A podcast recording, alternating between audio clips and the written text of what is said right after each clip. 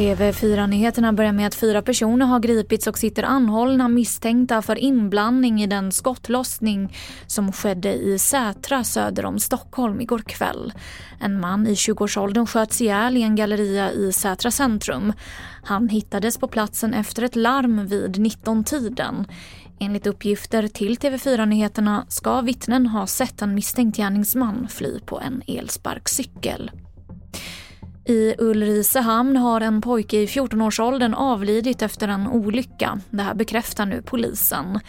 Han ska ha hittats klämd under ett arbetsfordon i skogen. Polisen har inlett en förundersökning om vållande till annans död.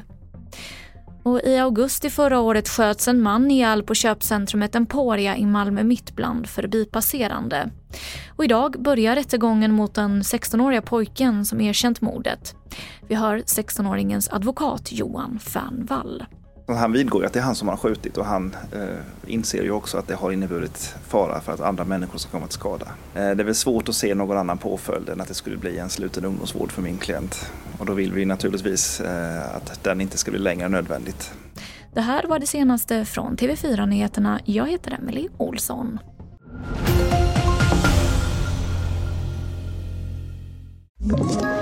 Ett poddtips från Podplay. I fallen jag aldrig glömmer djupdyker Hasse Aro i arbetet bakom några av Sveriges mest uppseendeväckande brottsutredningar.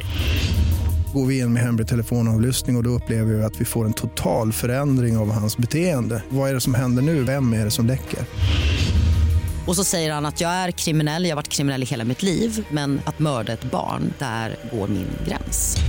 Nya säsongen av Fallen jag aldrig glömmer på Podplay.